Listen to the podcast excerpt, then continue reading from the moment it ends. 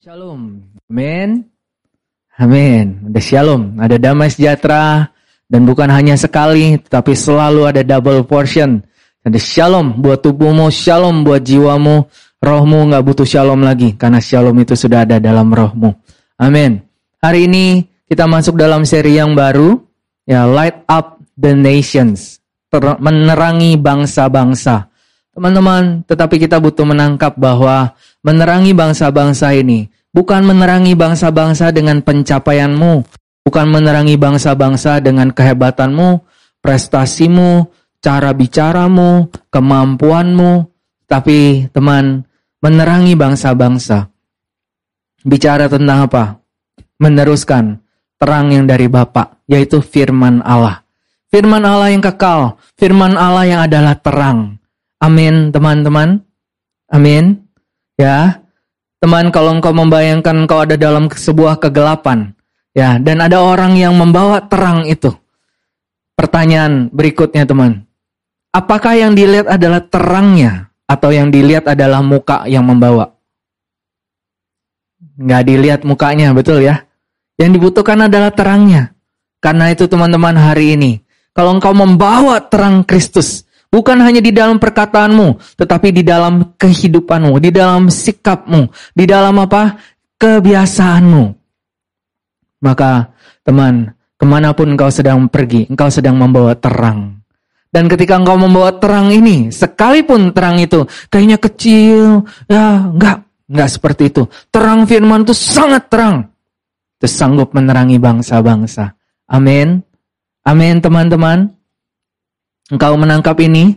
Nah, karena itu hari ini uh, kita masuk ke dalam uh, topik yang berikutnya yaitu apa? Receiving the abundance of grace.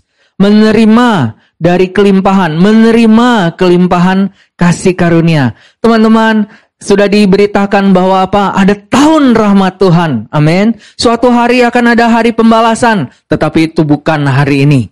Hari ini sepanjang kau mendengar firman ini, ini adalah hari perkenanan. Ini adalah hari di mana kasih karunia itu tersedia dan bukan hanya tersedia dicicil, tetapi tersedia berlimpah-limpah.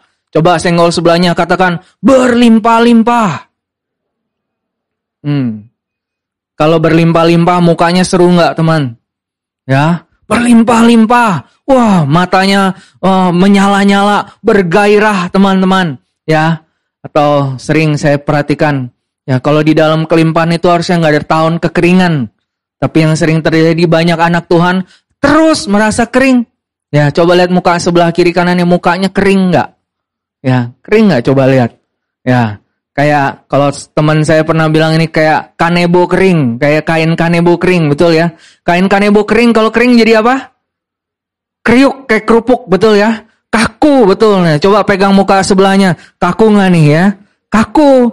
Mukanya senyum terus. Ya diem terus. Diajak bercanda diem. Diajak ketertawa diem. Diajak ngomong diem. Ya diajak ngomong ketawa terus. Ketawa kaku. Ketawanya kaku. Ya itu pun nggak benar. Nah teman-teman. Di dalam Tuhan ada kelimpahan. Bukan kekeringan. Amin. Amin.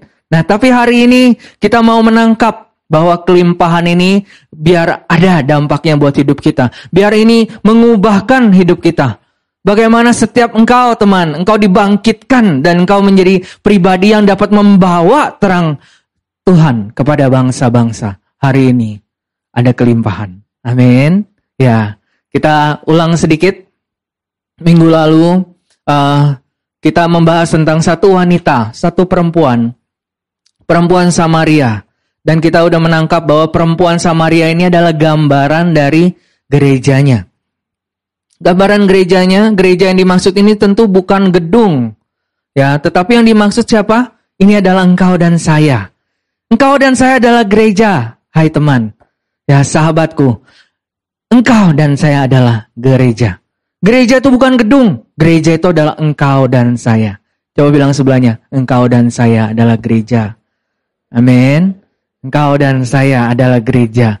Karena itu teman-teman, hari ini kita mulai menangkap perempuan Samaria ini adalah gambaran gereja. Gereja yang seperti apa? Perempuan Samaria, dia Samaria. Samaria ini adalah apa? Dia tercampur. Dia udah bukan orang Israel asli. Dia sudah terkawin campur dengan bangsa yang lain. Sehingga apa? Dia bukan first option. Dia bukan first choice. Teman, hari ini Apakah engkau merasa juga engkau seperti itu? Engkau sudah tercampur, kamu sudah nggak layak, kamu nggak murni, motivasimu nggak murni. Ya, kamu tercampur jiwanya, tercampur lahirnya, tercampur motifnya. Datang ke ibadah bukan tercampur, bukan apa? Bukan murni untuk mencari Tuhan, tapi tercampur, tercampur, tercampur. Kamu tercampur, namanya tercampur gimana? Sebentar hangat, sebentar panas, sebentar dingin, tercampur. Ambil yang murni tapi ambil juga yang nggak murni. Teman-teman, engkau melihat dirimu tercampur. Sehingga engkau suka melihat dirimu apa? Aku mah bukan first option. Aku second option. Atau jangan-jangan never an option. Ya, ada di tempat ini engkau merasa engkau nggak pernah masuk hitungan. Engkau nggak pernah masuk kalau ada pilihan uh, orang yang disuruh mimpin, orang yang disuruh sharing, orang yang suruh suruh ngelakuin sesuatu, dipercayakan sesuatu, sudah pasti bro, gue tenang aja, nggak bakal dipilih. Ya, hari ini teman, mungkin kau seperti itu. Perempuan Samaria ini, dia adalah perempuan juga. Perempuan pada zaman itu apa? Dia nggak sama, direndahkan, betul ya Padahal nggak seperti itu yang Tuhan maksudkan. Nggak pernah Tuhan ciptakan kita ya pria itu kayak lebih tinggi. Enggak, kita tuh equal. Kepala dan tubuh. Amin. Nah, kepala bisa jalan tanpa tubuh? Hmm, saya pernah ngelihat, eh saya nggak pernah lihat sih. Sahabat saya pernah ngelihat teman. Kita waktu itu mission mission trip ke satu suku, satu daerah yang agak dalam. Ya waktu tidur dia melihat kepala. Ya saya juga lihat kepala sih ya di restoran uh, nasi Hainam itu juga ada kepala ya. Kepala babi dipotong di situ. Ya ini bukan itu maksudnya ya. Tapi kalau kepala jalan sendiri aneh nggak? Aneh ya. Tubuh jalan tanpa kepala aneh nggak? Nah makanya equal ya. Teman-teman kalau equality itu justru sebenarnya lihatnya dari firman Tuhan. Sesuai dengan ciptaan. Nah itulah equality teman-teman ya. Nah kita kembali kepada itu. Dia perempuan. Dia dipandang nggak cukup. Dan bukan hanya itu, perempuan ini tinggal dalam percabulan. Suaminya ada berapa? Ada lima kak, kasih karunia. Oh lima, kasih karunia. Bukan tuh, nggak semua yang lima tiba-tiba kasih karunia. Kita harus lihat konteksnya, betul ya. Ya, tapi ada kasih karunia menghampiri dia.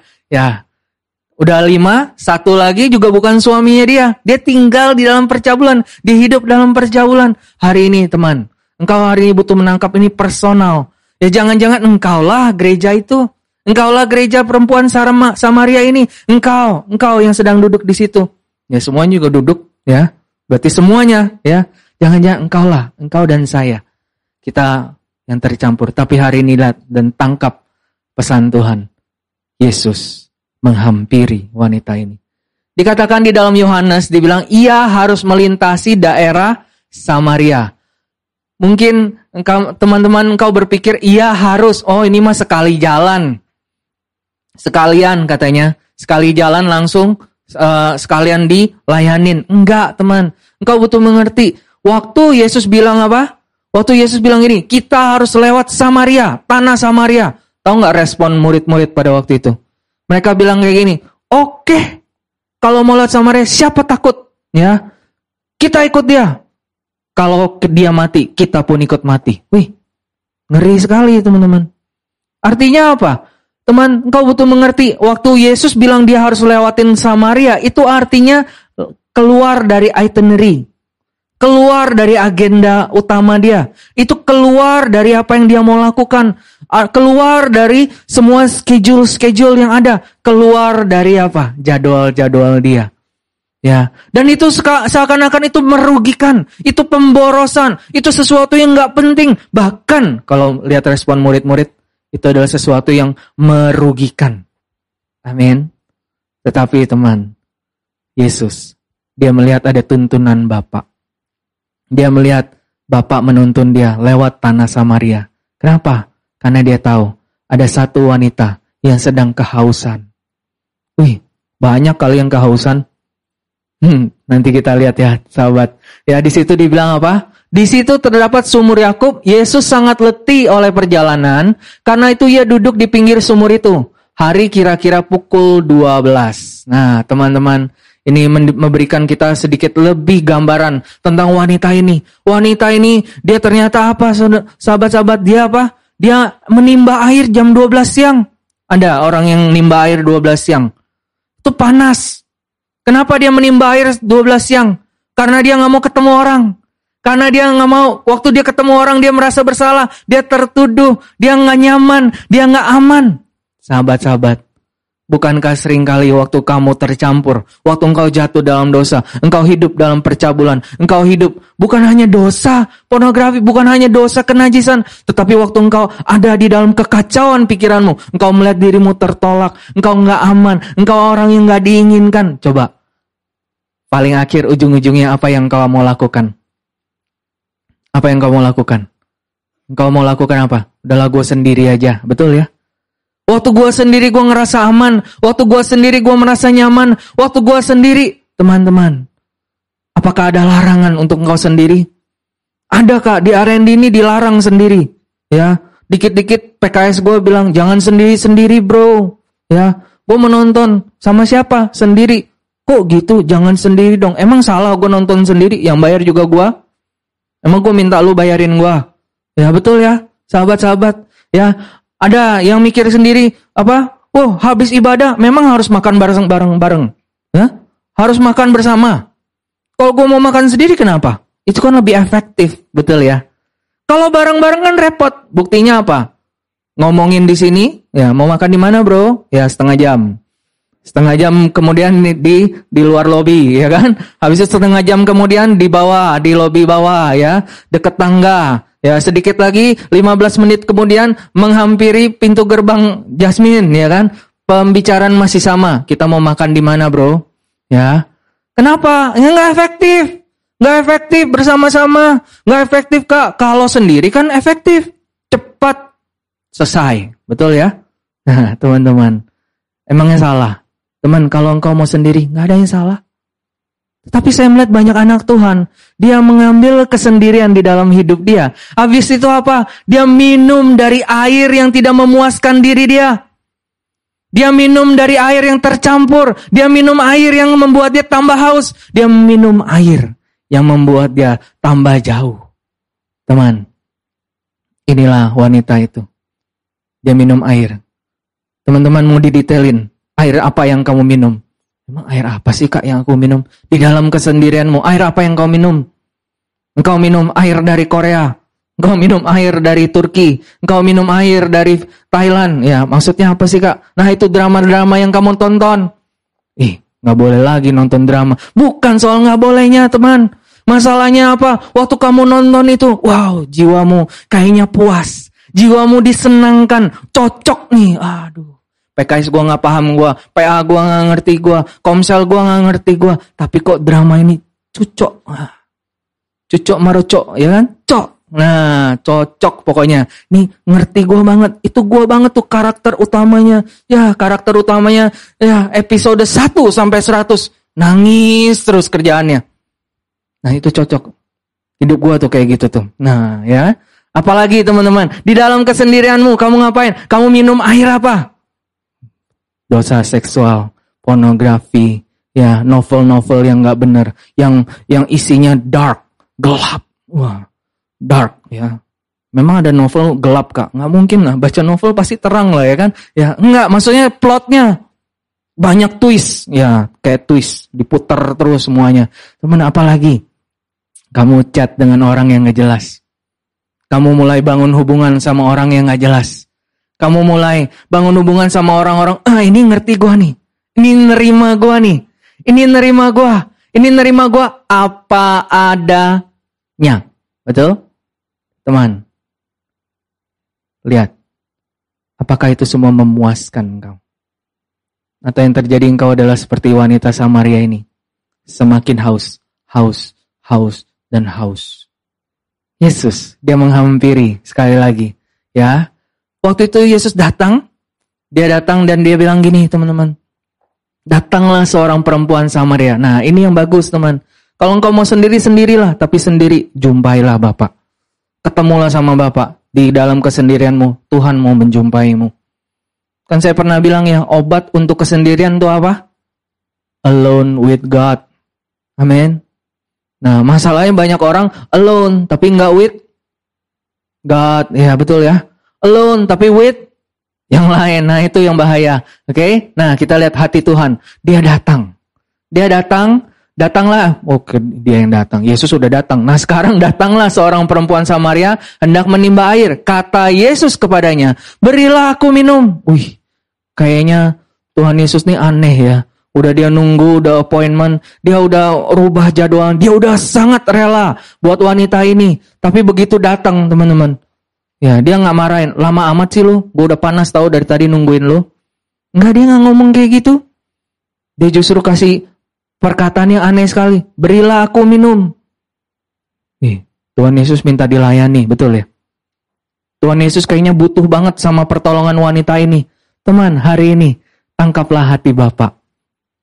Yesus, waktu dia menghampirimu, dia dia rela memberi rasa aman buat engkau. Sering nggak teman-teman, engkau suka merasa kayaknya seakan-akan tuh Tuhan butuh kamu banget. Kayaknya kok Tuhan tuh pengen banget kamu tuh sama dia. Kayaknya Tuhan butuh banget pertolonganmu. Teman-teman di awal, wah banyak dari engkau, banyak merasa apa? Ih kayaknya nih Tuhan panggil gue kenapa? Karena Tuhan butuh suara gue. Karena Tuhan butuh kecakapan gue. Wih Tuhan mau butuh karunia memimpin gue. Wih Tuhan mau butuh something dari hidup gue. Teman-teman, kau butuh menangkap. Yesus, dia mengerti kedalaman wanita ini. Wanita ini merasa rendah, dia merasa nggak ada nggak ada orang yang uh, apa mengexpect something daripada dia. Dia melihat dirinya tuh udah paling bawah.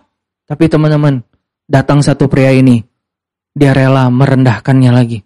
Dia rela merendahkan dirinya supaya apa, teman-teman? Seakan-akan wanita ini sedikit naik, betul ya? Ih, kayaknya lebih kasihan daripada gua. Ya, gua udah kasihan nih. Tapi minimal gue bawa tempayan. Ini cowok nggak punya tempayan. Betul ya? Kehausan lagi. Ya kayaknya butuh ditolong nih sama gue. Teman-teman, berapa banyak dari engkau? Yang kau juga sering merasa kayaknya Tuhan tuh butuh pertolonganmu. Tapi ini cuma apa? Ini cuma pembuka. Yesus nih memberi rasa aman buat dia. Amin. Nah orang Samaria ini bilang apa? Masa engkau seorang Yahudi minta minum padaku seorang Samaria? Hmm, dia jutek, betul ya? Ya teman-teman, juteknya kamu nggak membuat Tuhan menjauh dari kamu, betul? Ya, Tuhan terus, Yesus terus melayani dia. Nah, sedikit fast forward, nanti balik lagi, teman. Setelah Yesus akhirnya memberikan dia air yang sebenarnya, air yang hidup itu, teman-teman. Habis itu dia pergi. Apa yang terjadi sama wanita ini? Dia pergi, dia tinggalin tempayannya. Dia menjadi pribadi yang utuh dan penuh. Ya, dia yang tadinya nggak bisa mikirin di luar dari diri dia. Sekarang dia mikirin nasib satu bangsa. Dia pergi, dia keluar dan dia menjadi pribadi yang aman. Tapi menarik apa yang terjadi sama Yesus. Ya, Dibilang kayak gini, ini waktu murid-muridnya sudah balik. Sementara itu murid-muridnya mengajak dia, katanya, ya dia nawarin, Rabi, makanlah. Akan tetapi ia berkata kepada mereka, padaku ada makanan yang tidak kamu kenal. Nah, bingung murid-murid. Maka murid-murid itu berkata seorang kepada yang lain, adakah orang yang telah membawa sesuatu kepadanya untuk dimakan? Nah, kalau murid-murid nanya begini, artinya teman, ekspresi Yesus gimana? Gesture Yesus gimana? Artinya Yesus tuh nggak lagi kelihatan lelah. Nggak lagi dia kelihatan letih. Nggak lagi dia terlihat haus. Berarti ada sesuatu yang sudah dipuaskan. Ada sesuatu yang memuaskan Yesus sampai Yesus nggak lagi ngerasa haus, nggak lagi merasa letih. Karena sesuatu itu yang murid-murid nggak tahu. Nah di situlah Yesus bilang, makananku ini tidak kamu kenal. Nah apa makanan Yesus? Apa makanan Yesus? Makananku ialah melakukan kehendak dia yang mengutus aku dan menyelesaikan pekerjaannya. Amin teman. Hari ini engkau betul melihat Bapa adalah sumber. Sumber karena dia adalah sumber. Apa yang kau bisa tawarkan dari hidupmu untuk memuaskan sumber ini? Apa yang kamu bisa tawarin? Gak ada. Yang bisa engkau tawarkan hanya satu. Terima apa yang dia sediakan. Terima apa yang dia sediakan teman. Terima kasih karunia yang dia sediakan. Terima bahwa sumber itu tidak pernah berkesudahan di dalam hidupmu. Terima, ambil dari dia. Waktu perempuan ini justru menerima dari Yesus. Yesus dipuaskan. Karena itu hari ini, hai engkau. Engkau yang mau menyenangkan hati Tuhan. Engkau yang kayaknya nggak bisa diem. Ya, yang waktu ikut Tuhan langsung pertanyaan berikutnya adalah apa? Apa yang harus aku lakukan? Nah, kalau engkau butuh apa yang kau lakukan, inilah apa yang kau butuh lakukan. Terimalah. Itu mah bukan lakukan, Kak. Yang menerima, menerima, terimalah kasih karunia. Terima dari diri dia, ya. Ada sebuah quote, ya kita baca sama-sama ya. Kristus puas. Nah, kita baca yuk. Satu, dua, tiga. Kristus puas atas hidup saya, bukan karena apa yang dapat saya lakukan, melainkan saat saya rela dan haus menerima air kehidupan dan minum darinya. Kapan Yesus puas? Waktu engkau menerima dari dirinya. Kapan Yesus dipuaskan? Kapan Yesus uh, menerima kepuasan itu? Waktu engkau mengambil dari diri dia. Amin. Hari ini, terimalah itu. Ya, kalau kau mau, jadilah pribadi yang rela. Jadilah pribadi yang haus. Haus, haus, haus dan percayalah, Bapak nggak pernah kehabisan. Waktu engkau mengambil dari dia, dia nggak pernah menjadi rugi. Dia nggak pernah, wih sekarang boleh haus, nanti satu tahun lagi nggak boleh haus. Nanti supply-nya udah habis. Enggak, dia adalah supply yang tak terbatas. Amin.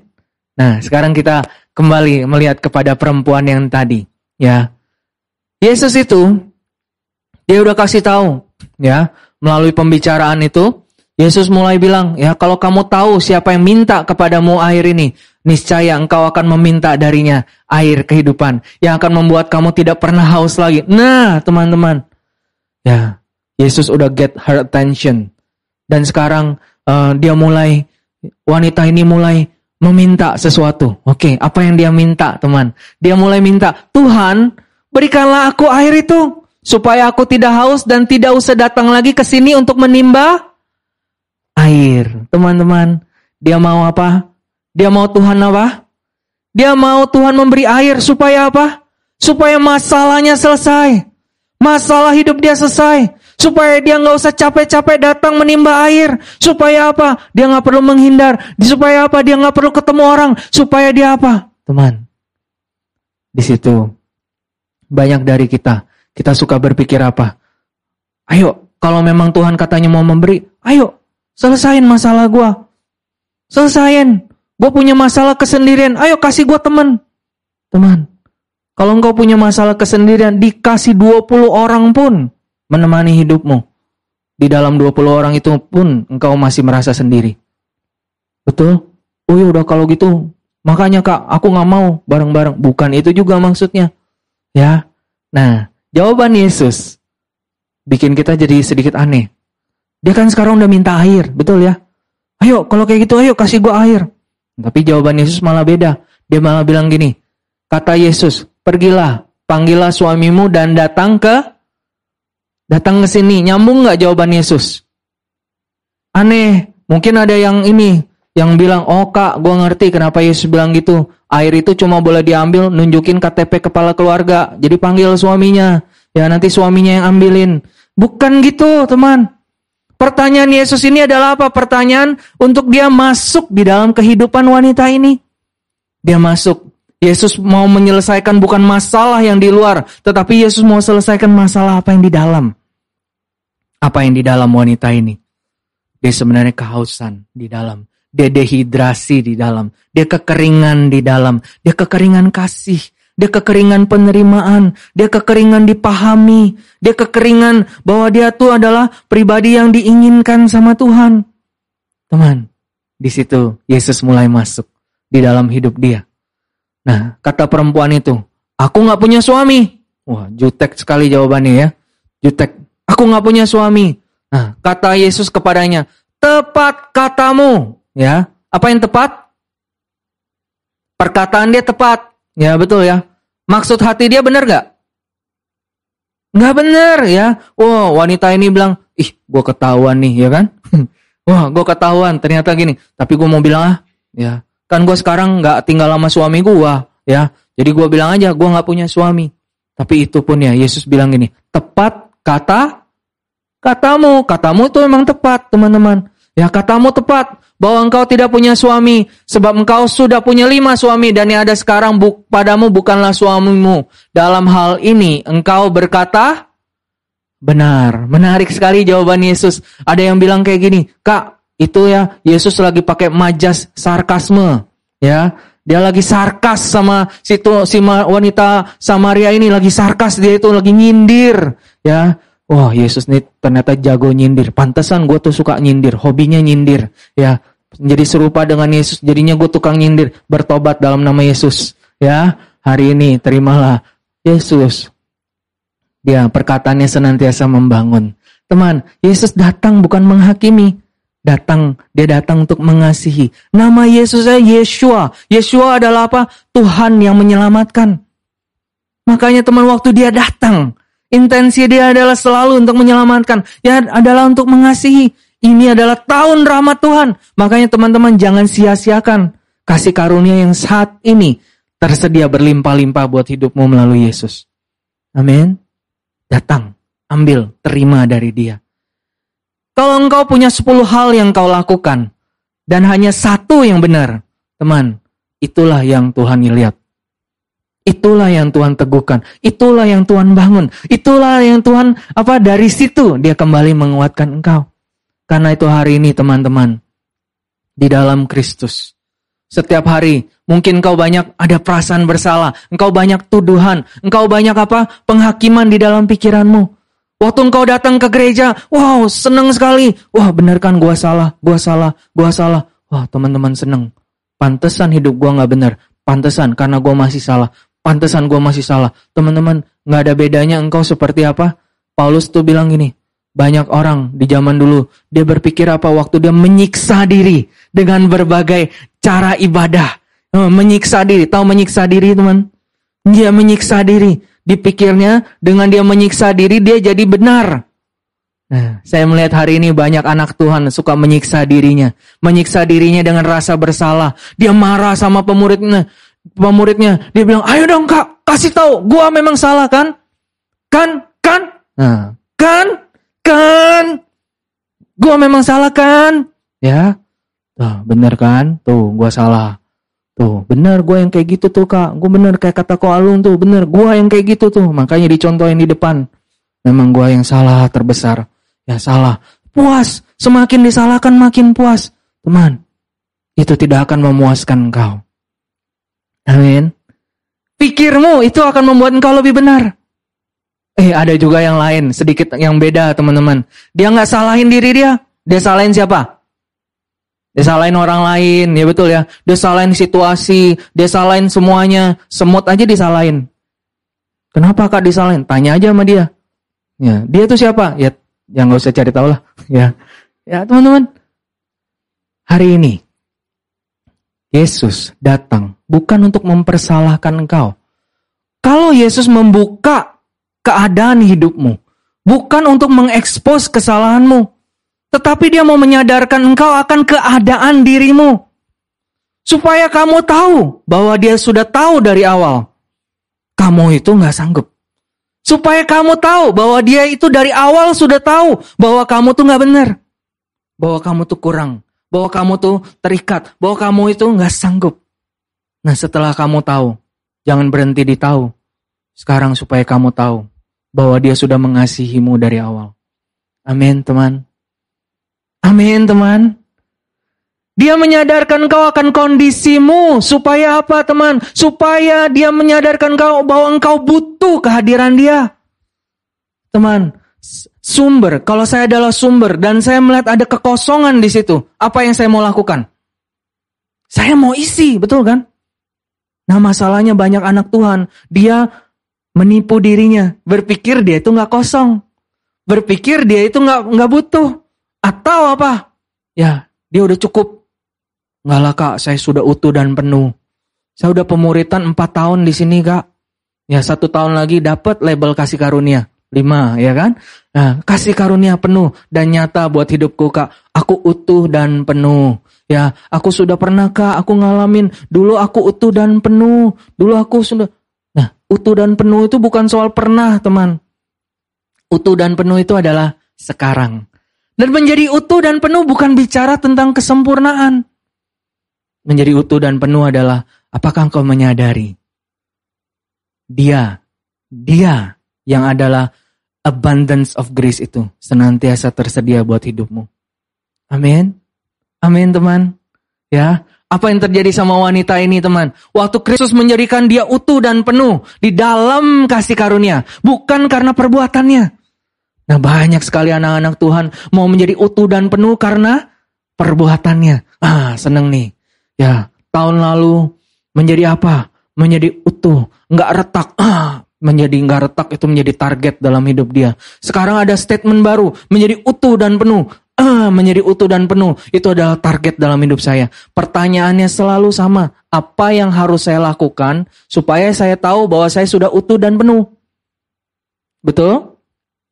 Ukur, ukur, ukur, ukur, dan ukur. Senantiasa engkau melihat apa? Engkau menjadi utuh dan penuh karena perbuatanmu. Amin. Tapi teman, Kristus yang menjadikan engkau utuh dan penuh siapa? Kristus.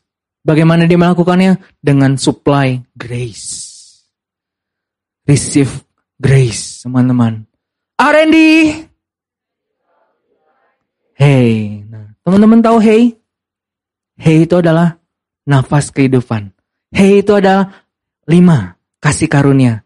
Artinya apa teman-teman? Waktu engkau hey kepada sahabatmu, engkau sedang meneruskan kasih karunia dan kehidupan kepada sahabat-sahabatmu. Keren kan?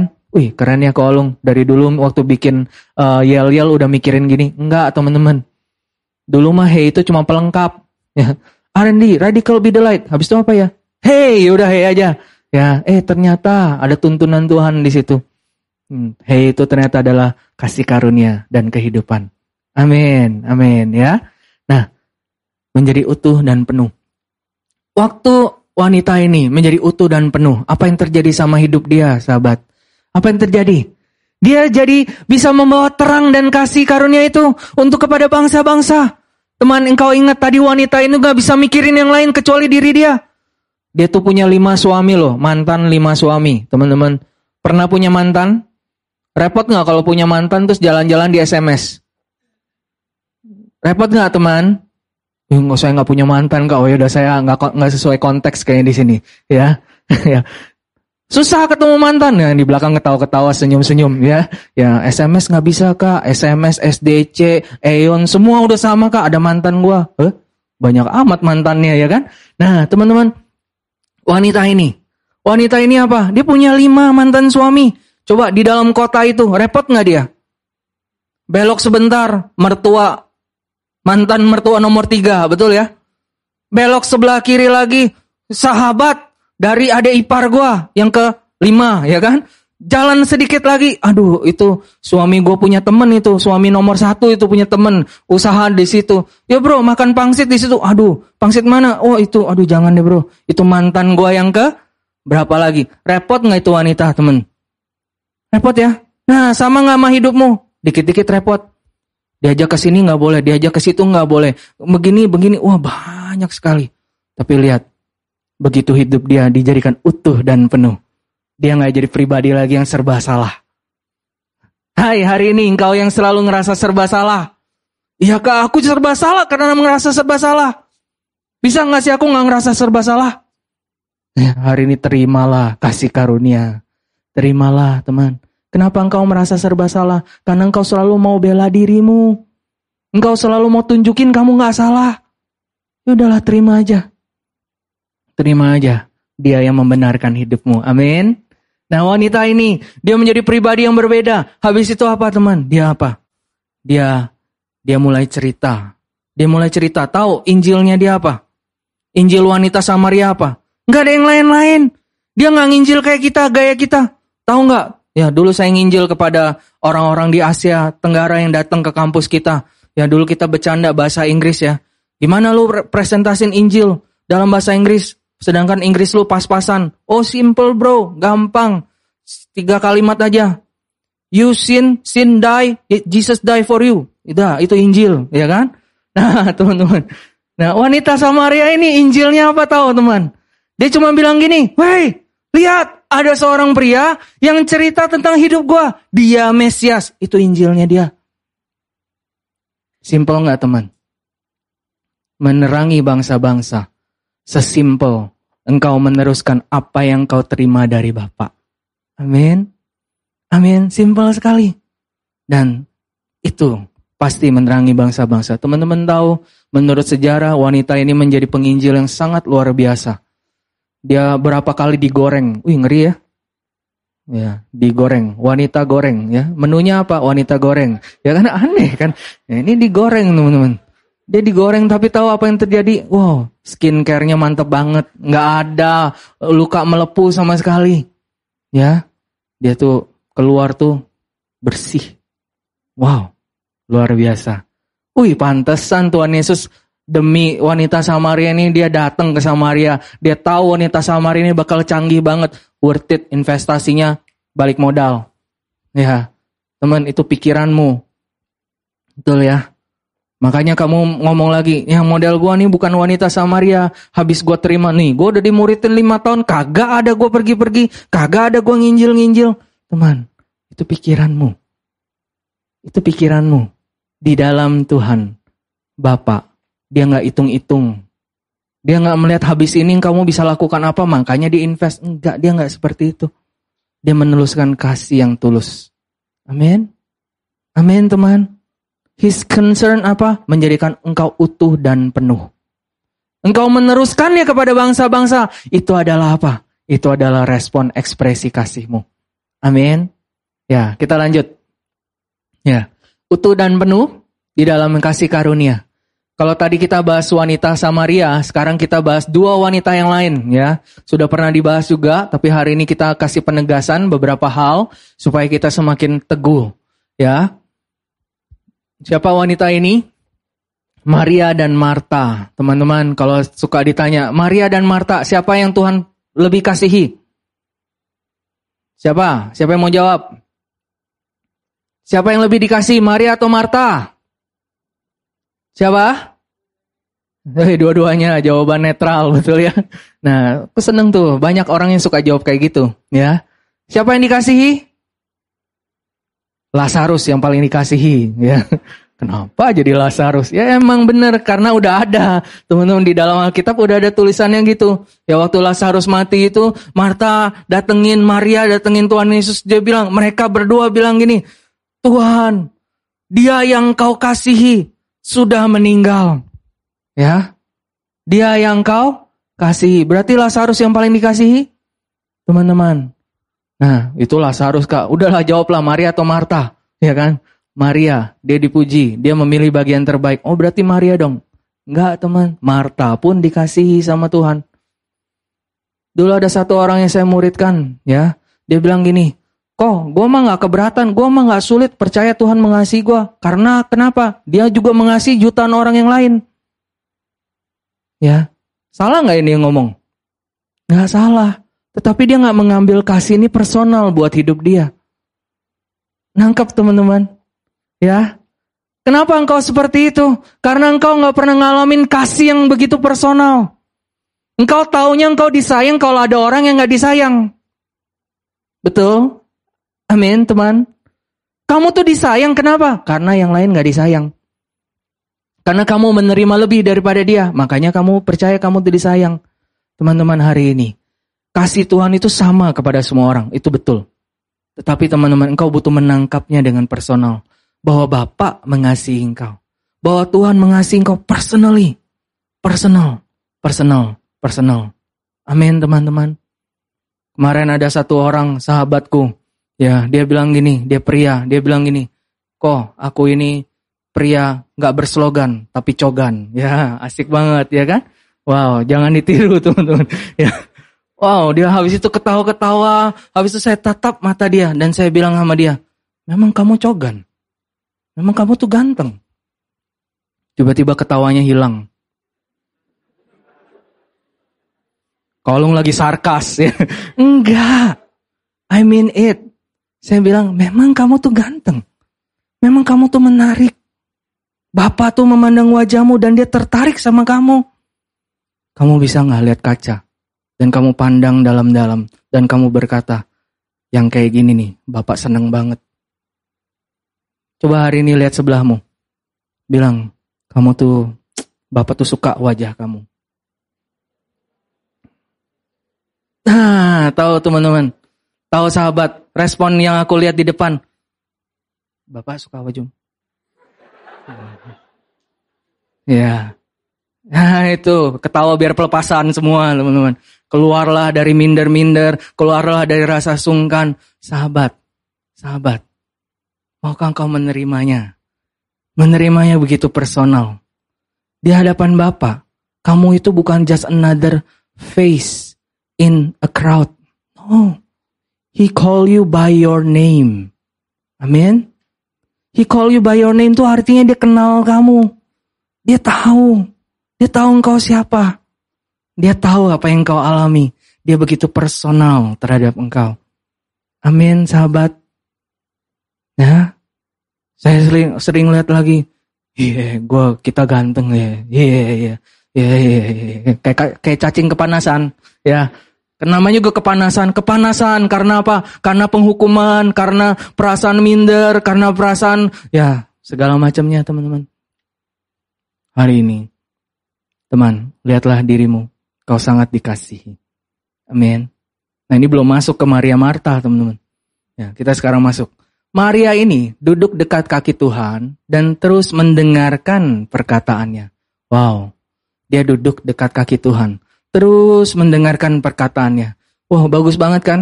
Ya, saya juga kayak gitu, Kak. Saya ini suka duduk dekat kaki kolung ya.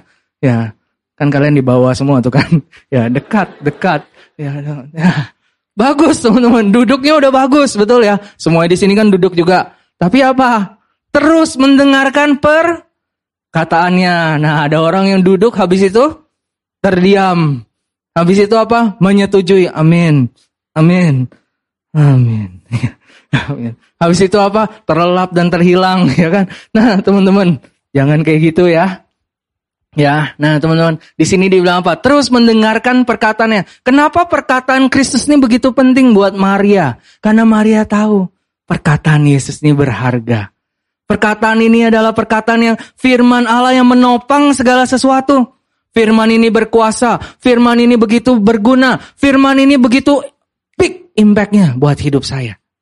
Karena itulah teman-teman, Maria melihat, mendengarkan perkataan Yesus. Itu adalah sesuatu yang sangat luar biasa. Sesuatu yang dia nggak punya. Ini adalah sesuatu yang bernilai kekal. Teman, hari ini, apakah engkau melihat firman Tuhan sebagai sesuatu yang kekal dalam hidupmu? Atau engkau lebih melihat, ih Tuhan, aku mah nggak butuh firmanmu. Aku melihatnya Tuhan butuh dilayanin. Itu seperti Marta. Sedang Marta sibuk sekali. Dia ngapain? Sibuk sekali melayani. Wih bagus dong kak, dia sibuk melayani. Ya kok kayaknya agak negatif, jangan terlalu negatif lah. Dia rajin melayani, betul ya? Ada orang di sini yang suka rajin melayani? Wow rajin melayani, rajin melayani, rajin sibuk, sana sini sibuk teman-teman. Bagus kan? Ya, kan tadi quote-nya begitu kak.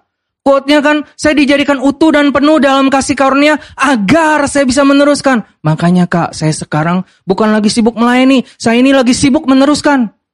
Sama aja dong sibuk. Betul ya? Nah teman-teman, banyak anak-anak Tuhan suka melihat begini teman.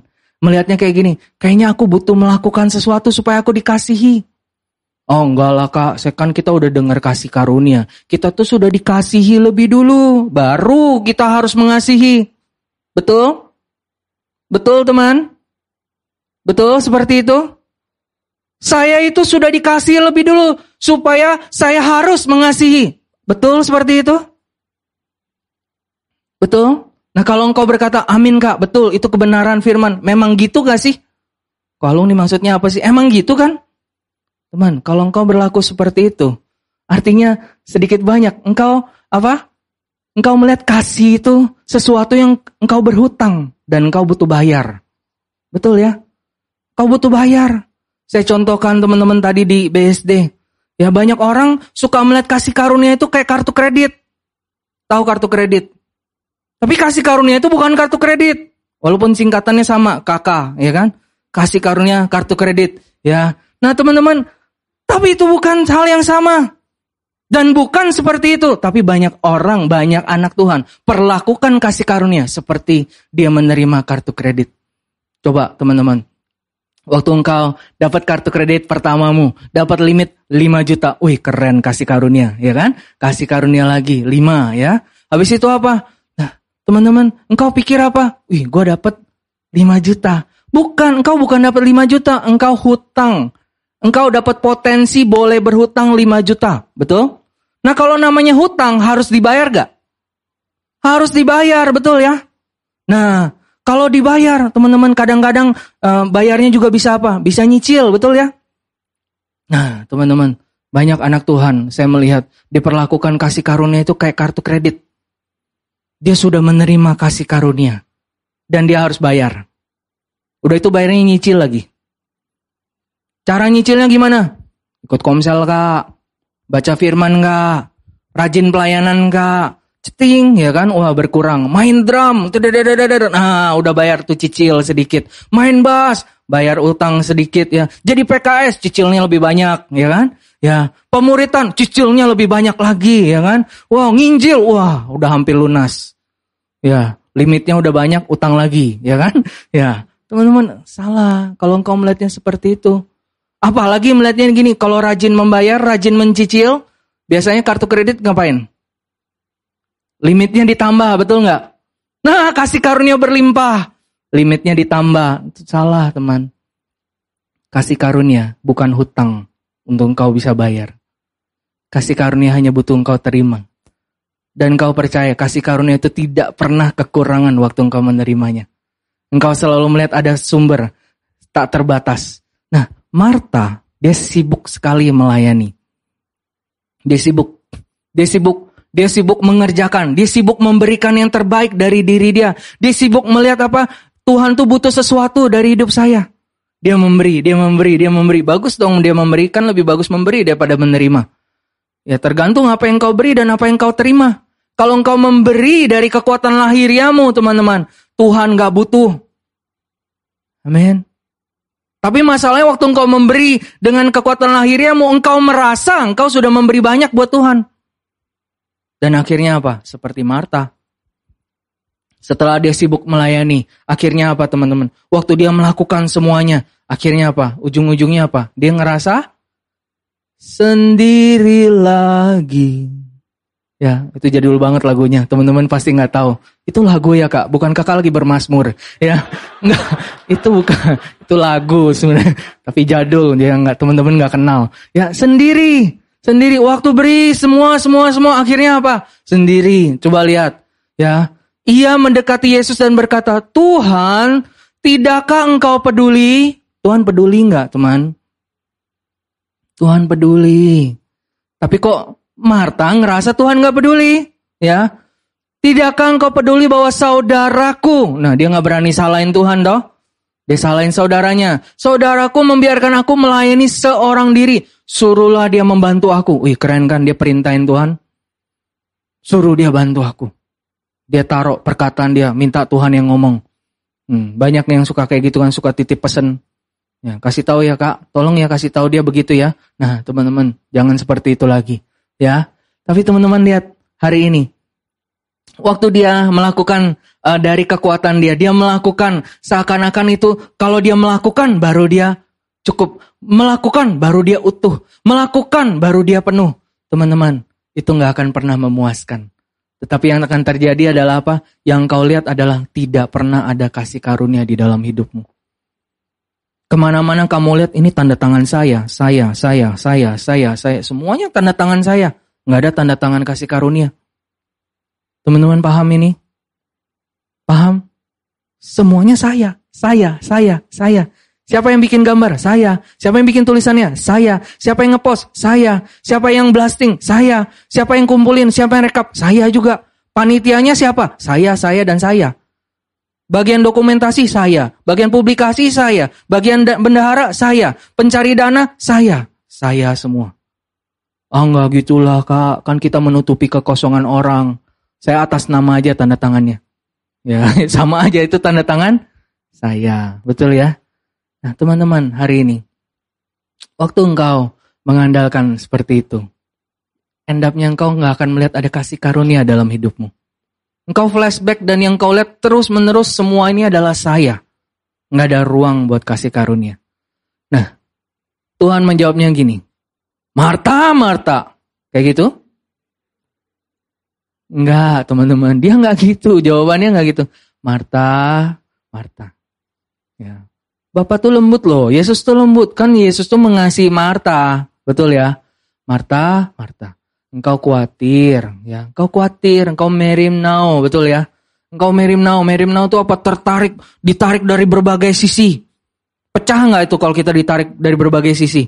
Teman-teman sering merasa kayak gitu?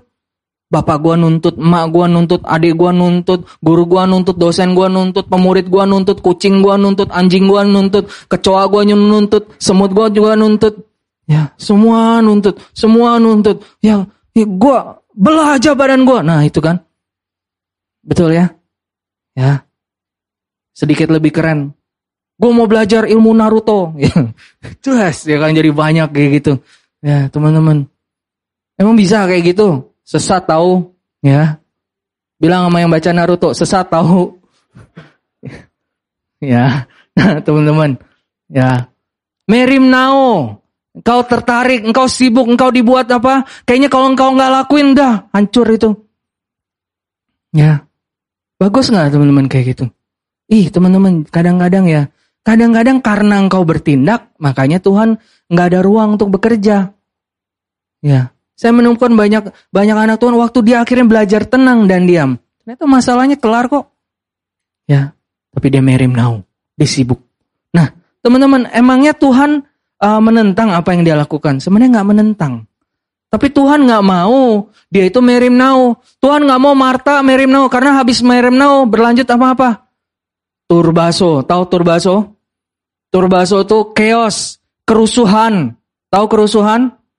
Ya, kalau ada kerusuhan apa yang terjadi? Langsung semua berhenti, betul ya? Sekarang ada yang lagi pengen bikin rusuh nih, nggak masuk Singapura, mau coba-coba bikin rusuh. Ya, yang tahu-tahu, yang nggak tahu nggak usah tahu. Ya, ya teman-teman. Ya, pemurid saya ngasih satu analogi lebih bagus lagi. Cakep banget analoginya, on the spot.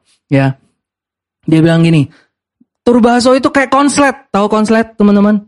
Di rumah kamu colok mau ngecas handphone, ceder mati konslet. Yang mati apa? Satu rumah mati, betul ya? Nah, yang konslet siapa? Yang konslet satu, tapi yang mati satu satu rumah. Nah, makanya teman-teman, Turbaso tuh kayak gitu. Maksudnya baik, nggak mau bikin repot. Maksudnya baik, nggak mau bikin jadi beban. Tapi akhirnya apa?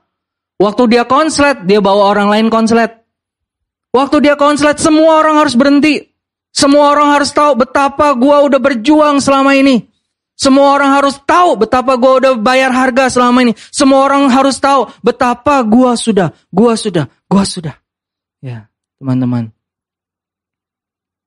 Di dalam Tuhan, Bapak nggak mau engkau merim now. Dia mau engkau menjadi tenang. Bukan masalah di luar yang Tuhan selesaikan, tetapi masalah yang di dalam. Teman-teman, apakah artinya Tuhan nggak mau kita sibuk? Teman-teman hati-hati loh teman-teman. Jangan teman-teman pikir Tuhan tuh menentang apa yang Marta lakukan. Menjadi sibuk lakuin itu, bukan masalah teman-teman. Dan juga sebenarnya kalau kita baca ayat-ayat ini kan nggak pernah dibilang kalau Maria itu males. Dan nggak pernah dibilang Marta itu rajin. Betul nggak? Ada nggak di situ dibilang Maria males? Nggak ada kan? Jangan-jangan teman-teman setelah Tuhan Yesus tidur, Maria ngapain? Maria ngucek bajunya Tuhan Yesus. Maria cuci baju-baju si murid-murid itu. Yang harumnya semerbak itu. Ya. Jangan-jangan teman-teman, oh Marta udah kecapean. Oh, dia udah kecapean. Kan bagus kan dia tidur bersama murid-murid. Ya, maksudnya nggak sekamar teman-teman pikirannya jangan ke mana-mana ya kan ya dia tidur pada waktunya tidur bagus dong kayak gitu enggak teman-teman lihatlah teman-teman kesibukan tanpa pengenalan nggak akan pernah membawa rasa aman kesibukan tanpa pengenalan justru akan membuat engkau merasa makin jauh dari Tuhan contoh teman-teman Kalau kamu lagi nunggu bus di sebuah terminal, kamu nggak kenal semua orang di situ kan, betul ya? Nggak kenal kan? Apa yang kamu lakuin? Apa yang kamu lakuin? Kamu aman, tunjukin kamu nggak ada kerjaan. Ngapain bro? Nungguin bus. Lagi nungguin bus ngapain? Ya udah kenalan yuk, ngobrol yuk. ada kita kayak gitu? Nggak ada kan? Apa yang kita tunjukin? Tanpa pengenalan yang kita tunjukin adalah betapa saya sibuk. Betul? Makanya kalau ngeliat orang nunggu bus di terminal nggak kenal, apa yang mereka lakukan? Handphonean, betul ya? Handphonean nunjukin betapa dia itu sibuk di handphonenya. Padahal cuma scroll atas, scroll bawah. Ya naik turun, naik turun. Lihat status udah habis, naik lagi ke atas. Kayaknya tadi lupa deh. Jangan-jangan ada yang update lagi. Nah teman-teman, masalahnya di terminal bus yang masalah teman-teman. Saya sering melihat ini juga ada di tengah-tengah kita ya. Coba lihat sebelahnya, gue kenal satu yang kayak gitu. Gue kenal tuh, orang yang suka sok sibuk, yang mau nunjukin dirinya sibuk, yang nunjukin dirinya apa? Udah gue gak butuh kok. Gue gue sibuk. Sorry ya bro ya. Bisnis gue miliaran. Wih, kasih. Ya, ya di Candy Crush ya. Candy Crush ada gak sih? nggak tahu lah teman-teman ya ya miliaran di monopoli nah itu mungkin lebih inilah ya ya bisnisnya miliaran tapi apa nah teman-teman saya melihat banyak anak-anak itu kan sok sibuk betul ya Enggak kak, gue tuh bukan sok sibuk, gue memang sibuk. Ya udah nggak apa-apa kalau memang sibuk, jangan merasa tertuduh. Jangan merim now dong, gara-gara dibilang kok lu sibuk sih. Gue nih nggak sok sibuk tahu. Enggak, gue nggak sok sibuk kok. Nih gue nggak. Nah itu turbaso langsung, konslet. Amin. Nah, di situ teman-teman Tuhan Yesus bilang sama Marta, hanya satu saja yang perlu. Maria telah memilih bagian yang terbaik yang tidak akan diambil daripadanya. Teman-teman, buat Maria, kehadiran Yesus itu sesuatu yang langka. Zaman dulu kan nggak ada voice call, nggak ada WA call, nggak ada story, nggak ada apa, betul ya teman-teman ya. Jadi artinya dia ketemu Tuhan Yesus itu nggak setiap kali.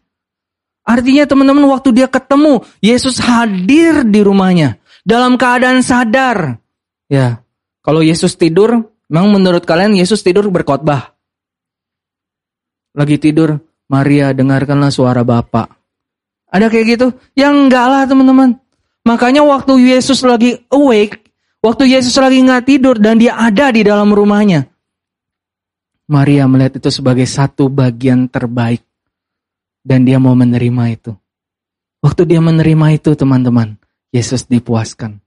Teman-teman menjadi utuh dan penuh, bukan bicara kesempurnaan.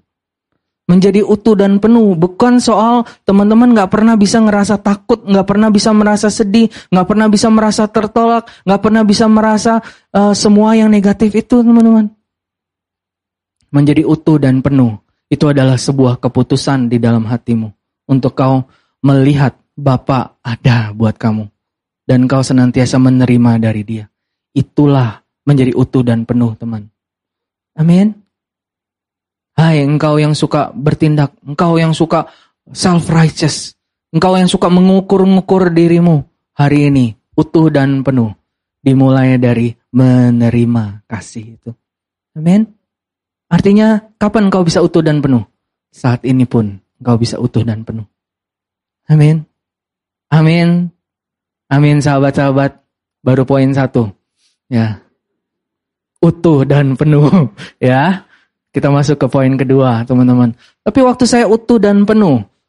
Saya akan menjadi pribadi yang semakin peka dan sadar akan kehadiran Bapak. Bukan yang lain. Nah di sini perjalanannya. Kita mau lihat teman-teman. Kalau tadi belajar dari wanita-wanita, sekarang kita belajar dari murid-murid. Nah murid-murid ini Kisahnya adalah waktu mereka nyebrang danau, tetapi terjadi angin sakal, itu badai teman-teman. Ya, habis itu apa? Yesus berjalan di atas air. Teman-teman tahu kisahnya ini ya. Petrus akhirnya nanti berjalan. Tapi nanti kita mau lihat lebih detail. Ya ketika murid-muridnya melihat dia berjalan di atas air, mereka terkejut dan berseru, itu hantu. Lalu berteriak-teriak karena takut. Wow, teman-teman lihat bayangin 12 pria dewasa ya sedang hantu. Ya, terus apa? Teriak-teriak, ya hantu, hantu, hantu, hantu, ya mungkin begitu teriaknya ya kan? Ya dia ketakutan, dia stres ya kan? Nah, teman, menjadi utuh dan penuh, kak. Harusnya jadi utuh dan penuh, harusnya nggak boleh dong kayak gitu. Teman-teman, di sinilah pembelajarannya. Kita mau ambil baik-baik, ya. Teman-teman, sering nggak kamu kayak gitu, utuh dan penuh. Tapi engkau salah, engkau nggak peka, engkau nggak bisa mengenali mana yang dari Tuhan, mana yang bukan. Mana yang Tuhan, mana yang hantu. Ya, bangun pagi, ceting, ada promo cicilan 0%. Wah ini dari Tuhan. Ya, teman-teman hati-hati ya. Kamu berdoa Tuhan aku kesepian, ceting ada chat dari Babang. Ya, Babang siapa? Ya nggak tahu lah Abang siapa. Ya, tiba-tiba oh konfirmasi dari Tuhan. Konfirmasi dari surga. Wah, asik ya kan? Persis banget saya berdoa, Kak. Saya berdoa, amin. Langsung notifikasi masuk. Ya, tuh. Jangan-jangan teman-teman kau salah mengenali. Nah, tapi hari ini, di dalam keutuhan dan kepenuhan, teman-teman mungkin gak langsung jadi peka. Tetapi dalam perjalanan ya teman-teman, engkau akan menjadi semakin peka. Amin. Nah bagaimana bisa semakin peka ini? Nanti kita mau lihat teman-teman. Ya, mereka berteriak-teriak karena takut ya. Nah teman-teman saya mau kasih tahu, kita ketawain mereka ya. Itu wajar mereka takut. Kita tuh kadang suka menghakimi teman-teman.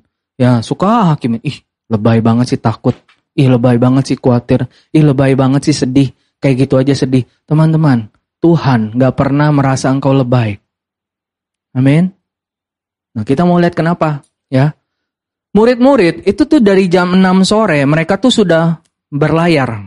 Nah ingat loh mereka itu nelayan. Mostly mereka nelayan ada yang bukan ya. Mungkin yang teriak-teriak ini Matius pemungut cukai, ya kan? Mungkin nggak tahu kan nggak pernah dibilang teman-teman, ya. Nah, tapi mereka nelayan handal. Nah, tapi apa yang terjadi? Ya, sebenarnya jarak dari danau ke danau itu bukan jarak yang jauh. Tapi yang terjadi mereka berlayar hampir 9 jam. Kejadian ini tuh tiga pagi. Kenapa ini detail? Tiga pagi itu gelap nggak teman-teman?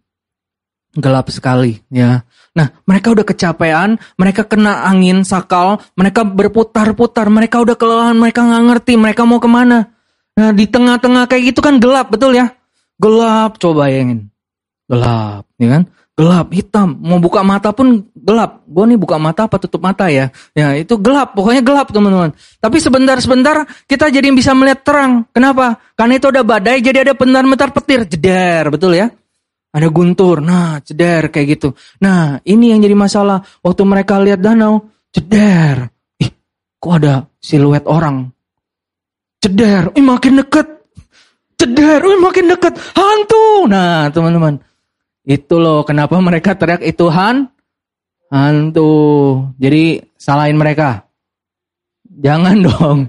Nah justru ini pembelajarannya teman-teman. Teman-teman, Tuhan tahu persis Alasan untuk engkau merasa takut itu real. Alasan untuk kau khawatir itu real.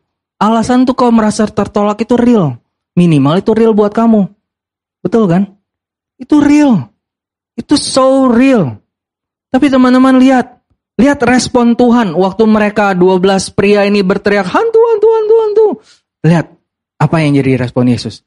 Tetapi segera. Tangkap nggak ini baik-baik? Segera Segera, segera ngapain? Segera Yesus berkata kepada mereka, segera Tuhan itu nggak mau engkau terus tinggal dalam ketakutan. Dia tahu nggak engkau real alasannya untuk takut, real. Dia tahu, tapi dia nggak mau engkau terus dalam ketakutan. Segera dia langsung berseru, langsung berkata kepada mereka apa? Tenanglah, aku ini, jangan takut. Teman-teman, ambil ini baik-baik. Kata tenanglah ini dalam bahasa Inggrisnya malah lebih canggih lagi teman-teman. Be of good cheer. Tenang bro, be happy, I am here. Dia lagi bilang kayak gini, tenanglah, be of good cheer, this is I. This is I itu kayak gini loh, here I am. Here I am, jangan takut. Kenapa Tuhan bilang jangan takut? Bukan karena alasan untuk takut tuh gak real. Tetapi justru dia lagi bilang gini, jangan takut because I am here. I am here. Do not be afraid. Do not be afraid because I am here. Amin. Nah, di sinilah masalahnya, teman-teman. Engkau tahu Tuhan Maha Hadir? Tapi engkau nggak melihat dia sebagai sesuatu yang kau butuhkan. Ini tuh kali kedua kejadian perahu, murid-murid, badai, Tuhan Yesus. Ini kali kedua, betul ya? Ya. Nah cuma ada bedanya. Yang kali ini Yesusnya nggak ada di dalam perahu. Betul nggak? Nah tapi buat Petrus waktu dia dengar this is I, buat Petrus yang suka bunyi lebih cepat itu, ya, dia langsung ah, buat dia Yesus itu siapa sih? I am. I am the great I am. Tapi buat Petrus, he is apa? He is my safe heaven. Dia adalah my safe place. Kalau perahu, walaupun dia bisa diinjak, tapi nggak ada Yesus di dalamnya. Ini bukan tempat aman. Ini spontan aja di dalam hati Yesus. Eh, di dalam hati Petrus. Dia langsung lihat Yesus, dia langsung bilang kayak gini. Petrus berseru dan menjawab dia, Tuhan, apabila engkau itu suruhlah aku datang kepadamu berjalan di atas air. Teman-teman buat Petrus, Yesus itu siapa? Yesus adalah safe heavennya dia. Buat Petrus, Yesus adalah Tuhan buat Petrus, Yesus, apa yang dia katakan itu pasti terjadi. Dan tapi respon yang utama dia, aku mau ada bersama Yesus. Tapi menarik teman-teman, respon Yesus bilang apa? Kata Yesus, ngaco lu. Ada dia kayak gitu? Ngaco lu, jalan di atas air. Enggak, dia nggak bilang kayak gitu. Dia justru bilang, datanglah. Teman-teman hari ini, berdasarkan pengenalanmu akan Bapak. Buat engkau, dia itu siapa sih? Karena engkau mendengar dia adalah Bapamu. Dia adalah Bapak. Bapak. Karena engkau mengasihi aku. Berkata-katalah. Berfirmanlah. Betul? Nah itu menjadi sebuah perkataan yang sangat personal buat engkau. Seperti Petrus itu perkataan yang personal buat dia. Datanglah. Dan menarik teman-teman. Karena dia menerima perkataan yang personal dari Kristus. Apa yang terjadi? Petrus berturun, maka Petrus turun dari perahu dan berjalan di atas air mendapatkan Yesus. Teman, kau butuh menangkap. Badainya udah berhenti belum? Waktu Petrus mulai melangkahkan kaki, badainya berhenti nggak? Badainya nggak berhenti. Tapi sering nggak kita justru pikir apa? Tapi kan nanti Petrus tenggelam nggak? Kenapa? Kenapa Petrus tenggelam? Dia sebenarnya bukan tenggelam, dia mulai tenggelam, ya. Kenapa Petrus mulai tenggelam? Karena badai kak. Karena angin. Sebenarnya bukan anginnya teman-teman. Ya. Waktu dia mulai melangkahkan aja dia sudah ada badai, betul kan? Ya. Sudah ada badai. Situasinya nggak langsung berubah. Tetapi apa? Petrus melangkah di atas perkataan iman. Dan di dalam perkataan iman, apa yang nggak ada jadi ada. Di dalam perkataan iman, di dalam langkah iman, ada jalan di mana nggak ada jalan. Amin. Air yang harusnya itu nggak keras, tetapi karena ada perkataan Yesus itu menjadi sesuatu yang keras. Makanya teman-teman hari ini, engkau hari ini dengar khotbah. Khotbah ini bukan hanya membuat menghibur kamu, bukan untuk supaya engkau tahu banyak, tetapi teman-teman hari ini engkau menangkap nggak oh, message yang sangat personal buat hidupmu. Perkataan yang begitu rema, personal buat hidupmu. Amin teman. Personal tuh kayak gimana sih? Personal tuh kayak gini teman. Seakan-akan Koalung nih khotbah buat lu doang. Seakan-akan Tuhan tuh berkata-kata buat kamu doang. Hari ini teman, tangkap nggak itu baik-baik. Banyak anak Tuhan, dia mendengar banyak khotbah, tetapi dia nggak menangkap message yang personal buat dia. Dia cuma cerita, iya tadi khotbahnya bagus tentang begini, tentang begini, tentang begini, dan tentang begitu. Itu nggak ada bedanya sama reka ulang cerita. Betul ya? Salah nggak? Nggak salah teman-teman. Tapi engkau butuh ambil personal. Personal buat hidupmu. Personal. Engkau bukan apa? Bukan cuman uh, figuran di sana. Tapi Bapak tuh bicara personal sama hidupmu. Amin teman-teman. Situ Petrus dia menangkap dan dia berjalan di atas air. Ya, dia berjalan di situ. Nah, teman-teman hari ini kita butuh mengambilnya dengan personal. Kita butuh dengan cepat menjadi utuh dan uh, penuh. Itu bukan soal kesempurnaan. Teman-teman masih bisa takut. Tetapi teman segera, segera kembali untuk tenang. Segera buang ketakutan. Segera lihat Tuhan ada bersamamu. Dan ketika dia ada bersamamu, terima perkataan yang personal. Waktu dia udah menerima personal, dia mulai melangkah berdasarkan apa yang dia terima itu. Nah ini prinsip yang sangat penting, teman-teman. Ya, nah tapi kita sekarang mulai lihat. Tetapi ketika dirasanya tiupan angin, takutlah ia dan mulai tenggelam lalu berteriak, Tuhan tolonglah aku. Ketika apa? Dirasanya tiupan angin, takutlah ia dan mulai tenggelam lalu berteriak, Tuhan tolonglah aku. Teman-teman, menjadi utuh dan penuh sekali lagi, bukan soal kesempurnaan. Engkau mungkin satu waktu engkau berjalan di atas air, tapi seperti Petrus, engkau mulai merasa. Badainya sebenarnya selalu ada nggak? Badainya selalu ada. Tetapi imannya Petrus sudah melampaui situasi yang ada. Hanya masalahnya apa teman-teman? Di tengah jalan, rasa mulai hijack dia. Betul ya? Rasa. Apa yang dirasakan? Situasi kondisi itu mulai merasuk. Dia mulai personal. Dia mulai apa? Mendistract hidupnya Petrus. Teman-teman di sinilah saya butuh terus utuh dan penuh. Waktu saya mau memutuskan untuk jadi utuh dan penuh, saya memutuskan dalam hati, aku nggak mau ambil apa yang bukan dari Bapak. Aku nggak mau ambil. Aku nggak mau ambil. Orang boleh ngomong macam-macam, tapi aku percaya. Aku adalah pribadi yang dikasih oleh Bapak. Amin. Amin teman-teman. Ya. Bukan hanya sekedar, bukan pria berslogan, tapi cogan teman-teman. Tapi engkau mengambil personal, kamu sangat dikasihi. Amin. Ya, habis ini malah sering dipakai kali jangan-jangan. Ya. Nah, tapi lihat di situ apa? Petrus mulai tenggelam, mulai tenggelam. Jadi buang pikiran kalau tiba-tiba Petrus plung. Dia nggak kayak gitu, teman-teman. Dia mulai tenggelam, ya. Dia berteriak, "Tuhan, tolonglah aku." Nah, ini menarik, teman-teman. Yang ketiga, utuh dan penuh dalam kasih karunia. Saya jadi bisa memberi ruang kepada kasih karunia untuk bekerja. Waktu Petrus berteriak, tolong Tuhan, tolonglah aku. Nah, jawabannya apa? Segera, segera lagi kan? Segera Yesus mengulurkan tangannya. Nah kalau Yesus segera mengulurkan tangannya artinya Petrus udah dekat belum sebenarnya? Sudah dekat. Nggak ada kan dibilang Yesus langsung lari menghampiri Petrus. Langsung mengulurkan tangan. Enggak. Yesus cuma mengulurkan tangan. Artinya apa? Sebenarnya Petrus sudah sangat dekat. Ya, dan dia mulai tenggelam. Nah, coba lihat di situ. Sekalipun teman-teman imanmu tidak sempurna, Yesus, dia tetap membangkitkan engkau. Dia tetap itulah utuh dan penuh. Kembali menyadari di dalam ketakutannya Petrus, dia berteriak sama siapa? Dia berteriak sama siapa? Yohanes tolong ya aku. Ada kayak gitu. Mak tolong gua. Apalagi nggak ada, nggak ada di perahu itu lagi, jangan-jangan ya kan?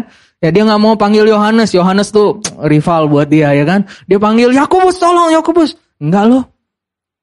Dia langsung bilang apa? Tuhan, tolonglah aku. Teman-teman, di dalam kekurangan percayamu, di dalam imanmu goyah itu mulai tenggelam. Teman-teman berseru sama siapa? Ya, justru malah berseru kepada yang dari dunia. Ya, pasti nggak akan nolong. Amin ya. Nah, kita lanjut. Segera Yesus mengulurkan tangannya memegang dia dan berkata, Hai kau orang yang kurang percaya, mengapa engkau bimbang? Lalu mereka naik ke perahu dan angin pun redalah. Nah menarik. Teman-teman di dalam Matius 14 nggak diceritakan terlalu detail, tapi kisah yang sama didetailkan di dalam Yohanes 6 ayat 21. Memang menarik Tuhan Yesus nggak pernah mengerjakan hal yang sama dua kali. Ya, di sini dibilang apa? Mereka mau menaikkan dia ke dalam perahu dan seketika juga perahu itu sampai ke pantai yang mereka tujui. Langsung teleport. Keren, keren ya, canggih ya. Teman-teman, Yesus nggak mengerjakan dua hal, uh, satu hal dua kali. Kalau yang pertama badainya diselesaikan, badainya dihilangkan. Tapi yang yang kali ini apa? Badainya tetap nggak? Masalahnya itu tetap. Tapi teman-teman lihat apa yang terjadi sama murid-murid. Mereka aman bersama dengan Kristus. Hari ini teman-teman ambil personal. Sekalipun rasanya engkau nggak bisa keluar dari situasi kondisi yang ada. Nah, tetapi waktu ada Yesus di situ, teman-teman, antara badainya berhenti karena Yesus atau teman-teman, engkau dikuatkan, engkau diteguhkan through it all. Amin. Bersama dengan Kristus. Amin. Nah, Tapi di sini teman-teman kita butuh ambil satu kata ini. Mereka mau. Kata mau ini menarik. Dalam bahasa Yunani itu telo. Telo itu rela. Rela menaikkan dia ke dalam perahu. Ih, lebay amat kak. Murid-murid pasti rela lah. Rela lah masukin Yesus ke dalam perahu mereka. Enggak lagi, belum tentu. Tuhan Yesus butuh nggak naik perahu mereka? Jangan-jangan di dalam perahu mereka udah banyak muntahan. Di dalam perahu mereka tuh jangan-jangan banyak hal-hal yang nggak benar. Ya betul ya. Nah teman-teman rela nggak? Rela. Rela nggak izinin Yesus masuk? Atau udahlah Tuhan, perahuku nggak layak buat Tuhan. Tuhan jalan aja. Nanti ketemu di sana ya. Ya betul. Teman-teman ambil ini personal. Rela nggak teman-teman membiarkan Yesus masuk dalam perahu kehidupanmu? Nah waktu dia masuk dalam perahu kehidupanmu, muntahmu kelihatan. Kekacauanmu kelihatan. Jangan-jangan Yesus bilang hantu ya kan. Ya, itu kacau ya kan. Enggak, itu enggak bercanda teman. Itu bercanda bukan yang enggak bercanda. Itu bercanda. Ya. Maksudnya gini teman-teman. Yesus jadi terekspos melihat kekacauanmu waktu dia masuk dalam perahumu. Amin. Tapi rela nggak teman-teman? Saya melihat banyak anak Tuhan nggak rela. Nggak rela ketahuan salah, nggak rela ketahuan kondisi sebenarnya masih terus menyembunyikan di hadapan Bapak atau apa menipu diri seakan-akan dia nggak butuh Bapak untuk biasa dia bisa handle hal ini.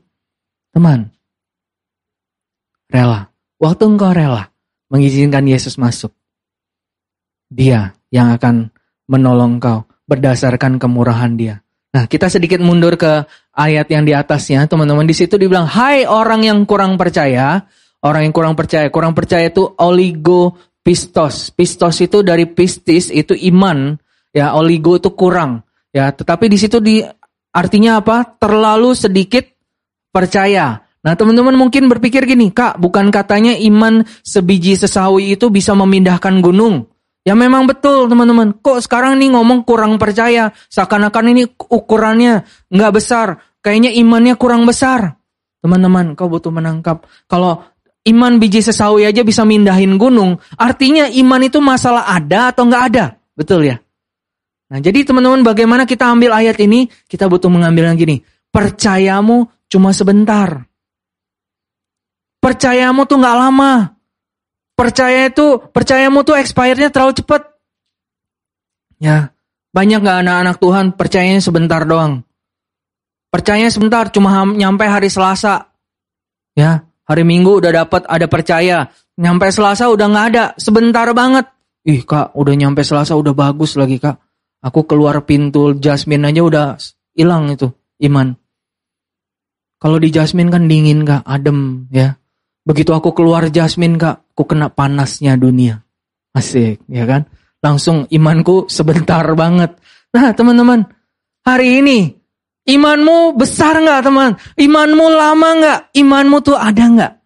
Endure, perbesar, perlama teman-teman. Nah waktu engkau kurang percaya, apa yang terjadi? Engkau menjadi bimbang. Kata bimbang itu distazo, meragukan, mengabaikan. Nah, makanya teman-teman, waktu engkau banyak kurang percaya, Waktu percayamu cuma sebentar. Makanya engkau naik dan turun. Sebentar engkau mau ada dalam panggilan, sebentar kamu mengabaikan panggilan, sebentar kamu uh, dapat engkau adalah di, uh, orang yang dikasih, sebentar lagi engkau mengabaikan apa yang jadi kasih karunia Tuhan. Engkau terus mengabaikan, engkau mengabaikan, mengabaikan, mengabaikan apa teman-teman? Mengabaikan bahwa Dia ada bersama dengan engkau. Mengabaikan bahwa sebenarnya kasih karunia senantiasa berlimpah-limpah buat hidupmu tapi engkau mengabaikannya. Ya. Nah, teman-teman hari ini apa yang kau butuh lakukan? Lihat, Yesus tolak Petrus gak? Yesus ulurin tangannya, memegang dia. Habis itu disuruh berenang si Petrus.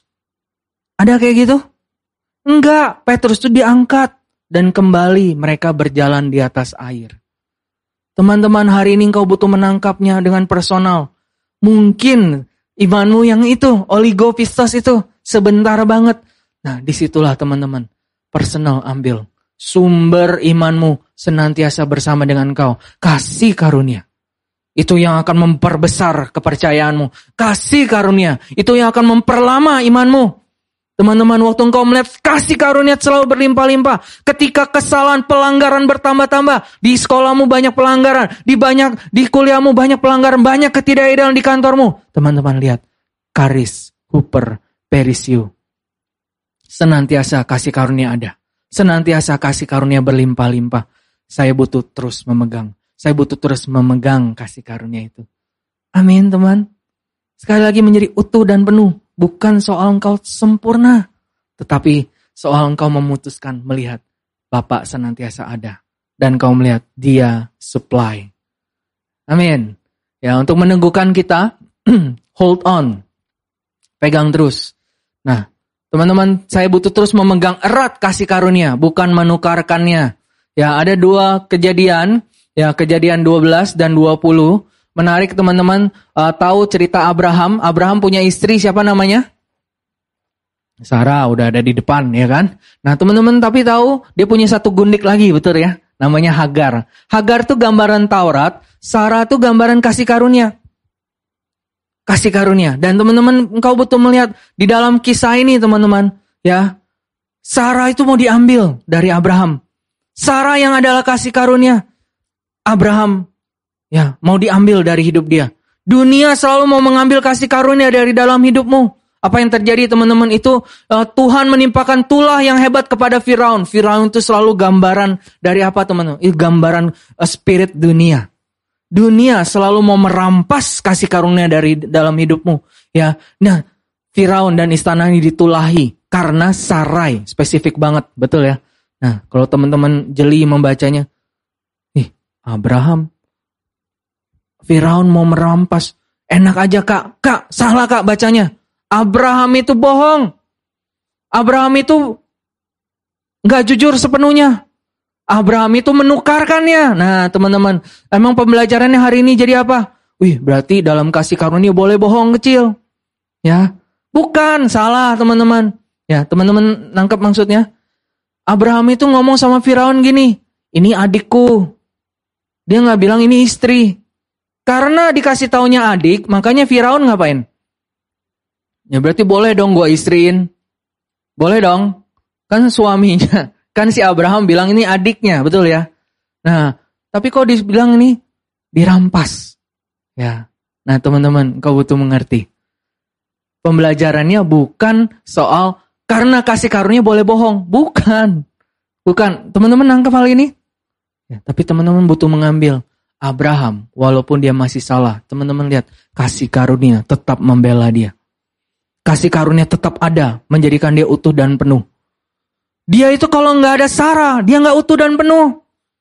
Dia nggak bisa ngelakuin kehendak Tuhan, dia nggak bisa lakuin janji Tuhan. Janji Tuhan nggak bisa digenapi kalau dia nggak punya Sarah.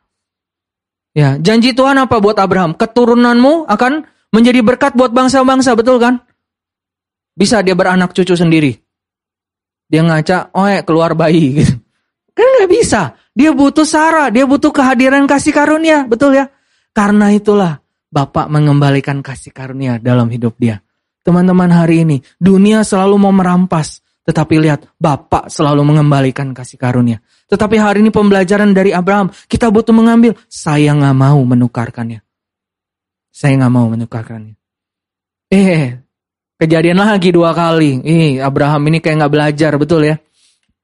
Tapi kali ini mungkin nggak terlalu salah lah, teman-teman.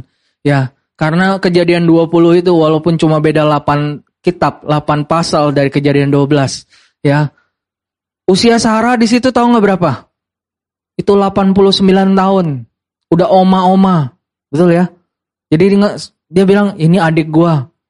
Ya, oma, ini adik gua. Ya, salah nggak teman-teman? Ya, nggak salah sih. Ya, mungkin dia pikir udah oma-oma mana juga ada yang mau nafsu, betul ya? Ih, cuman teman-teman si Abi itu jadi melek gara-gara ngeliatin Sarah. Abi, uh, aduh, jadi melek. Wah, ih cantik banget nih. Ya, Abi ini jadi melek, dia melek-melek. Uh, wih, cakep banget. Dia nggak nanya usianya. Kalau dia nanya dia sakit jantung. Ya, kaget, kaget dia langsung. Ya teman-teman, ini usia 89 tampilan 19 tahun. Weh, teman-teman coba lihat sebelahnya, usia 19 tahun, tampilan ya jangan dijawab ya. teman-teman, wow, nanti kita belajar di dalam kasih karunia mukamu pun jadi everlasting. Ya gitu aja amin. Aminnya pun ragu teman-teman. Ya amin dong teman-teman hari ini. Berapa banyak uang yang dihabisin buat skincare. Nggak akan memuaskan kamu. Kasih karunia. Akan membuat engkau 19 tahun terus. Weh mantap nggak? Teman-teman percaya nggak firman Tuhan? Aku ini nggak bercanda loh. Serius ya. Nah kita kembali ke Abraham dan Sarah. Nah teman-teman apa yang terjadi? Sarah ini diambil lagi. Tapi coba lihat. Tuhan tetap mengembalikan kasih karunia. Tuhan tetap supply kasih karunia. Amin teman-teman. Nah, teguhkan kita. Hagar ialah gunung Sinai di tanah Arab. Ia sama dengan Yerusalem sekarang karena ia hidup dalam perhambaan dengan anak-anaknya. Tetapi Yerusalem surgawi adalah perempuan yang merdeka dan ialah ibu kita. Kita adalah anak dari kasih karunia teman-teman. Kita adalah anak janji. Amin. Karena itu engkau butuh senantiasa melihat kasih karunia tersedia. Hanya masalahnya gini, kamu lepas dari Kristus. Kata lepas dari Kristus itu, you make Christ of no effect. Percuma kasih karunia itu ada dalam hidupmu tapi nggak ada dampaknya apa-apa. Bagaimana kasih karunia itu nggak berdampak dalam hidupmu? Jikalau kamu mengharapkan kebenaran oleh hukum Taurat. Kamu melihat dunia itu selalu mau menaruh hukum. Selalu taruh hukum. Ih, I am the beloved. Aku dikasihi. Aku ganteng. Aku di... Bapak seneng lihat wajahku. Langsung tiba-tiba ada perasaan. GR amat sih lu. Sombong amat sih lu. Betul ya? Itu dari dunia. Teman-teman jangan ambil. Jangan berusaha membuktikan betapa engkau cantik. Tapi lihat dirimu, Bapak sudah tertarik sama hidupmu. Amin. Amin teman-teman. Ya, di situ dibilang apa? Kamu mengharapkan kebenaran oleh hukum Taurat, kamu hidup di luar kasih karunia. Kata hidup di luar kasih karunia itu you fall short, you fall from grace. Kalau fall itu artinya engkau jatuh dari sebuah ketinggian. Kalau kasih karunia adalah engkau jatuh dari kasih karunia. Artinya kasih karunia itu ada di atas, teman-teman. Banyak orang suka berpikir hidup di dalam kasih karunia. Nggak ada ambisi. Kayaknya melepaskan. Kayaknya nggak membuktikan. Kayaknya nggak greget. Teman-teman, sadar nggak? Kasih karunia itu di atas. Teman-teman ingat wanita Samaria tadi? Dia tadinya nggak pernah berguna buat orang lain. Dia nggak bisa mikirin orang lain selain diri dia. Tetapi begitu dia jadi utuh dalam kasih karunia, apa yang terjadi? Hidupnya diangkat. Hari ini teman, engkau mau melihat hidupmu diangkat oleh kasih karunia? Tinggallah, terimalah kasih karunia itu. Lihatlah, putuskan dirimu, aku mau utuh dan penuh. Dengan menerima, selalu melihat Bapa ada. Dan senantiasa ada kelimpahan kasih karunia. Boleh kita baca statement ini sama-sama? Ya. Satu, dua, tiga. Hanya di dalam keutuhan dan kepenuhan kasih karunialah, saya dapat peka dan teguh bahwa kehadiran Bapa di hidup saya adalah untuk menjadikan saya terang bagi bangsa-bangsa yang ada dalam kegelapan. Wah, ternyata kasih karunia supaya saya jadi terang. Teman-teman, kalau engkau berpikir kasih karunia ada untuk keinginanmu dipenuhi, itu justru engkau keluar dari kasih karunia. Amin. Teman-teman, lihatlah. Engkau utuh dan penuh. Justru waktu engkau melihat kasih Bapak itu ada buat hidupmu. Dan kau percaya Bapak sanggup mengangkat hidupmu. Amin. Mari kita bangkit berdiri yuk. Kita baca sekali lagi statement ini. Dan kita mau nyanyikan sebuah lagu. Saya berdoa hari ini engkau menangkap sesuatu yang personal dari Bapak. Di dalam doa kita sebentar saya berdoa, Bapak mau bicara. Hai engkau yang berdiri di sana, Bapak mau bicara sama engkau. Bapak mau bicara. Tapi jangan takut. Karena dia datang bukan menghakimimu. Dia datang untuk mengasihimu. Dia datang untuk engkau tahu bahwa dia mengerti keadaan hidupmu.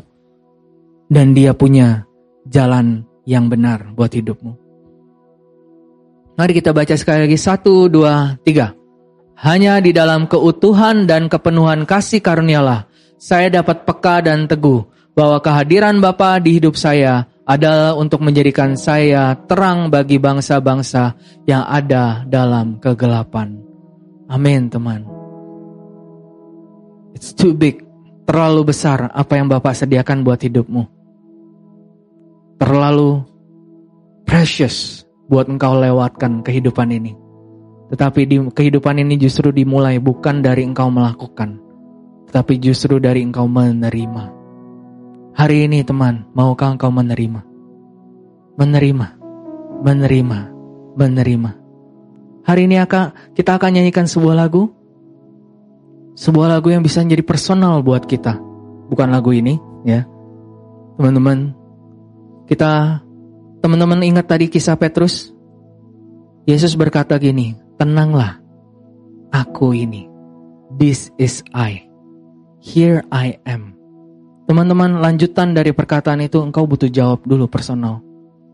Baru engkau bisa jangan takut. Baru engkau bisa enggak takut lagi. Karena engkau melihat dia siapa. Siapa Yesus bagi engkau? Hari ini engkau butuh tangkap personal. Buat Petrus, Jesus is my safe heaven. Karena dia mengenal Yesus adalah tempat aman dia. Dia berkata, Tuhan, aku mau ada di tempat aman itu. Bring me to that place. Sekalipun itu lewat air, I don't care. You can make me safe. Teman-teman hari ini, selalu ada perasaan bersalah, perasaan kurang yang kayaknya nagging terus di dalam pikiran perasaanmu, betul ya? Selalu ada kurang, kurang, kurang, kurang, kurang, dan kurang. Teman-teman kau coba menghibur dirimu dan kau bilang udah abain aja. Enggak lagi, kamu nggak perlu ngerasa bersalah, kamu nggak perlu merasa kurang. But you know what? The feeling doesn't go away. Amin. Karena alasan kau takut itu sangat real. Alasan kau sedih itu sangat real. Alasan kau merasakan semua yang kau rasakan itu sangat real. Dan Bapak tidak menghakimimu. Justru dia berkata, Here I am. This is I. But personally, you have to answer it. Who is him for you? Who is he for you? Baru engkau bisa menerima perkataan firman yang begitu personal. Ada tuntunan firman yang personal buat hidupmu. Amin teman-teman. Mari kita datang sama dia.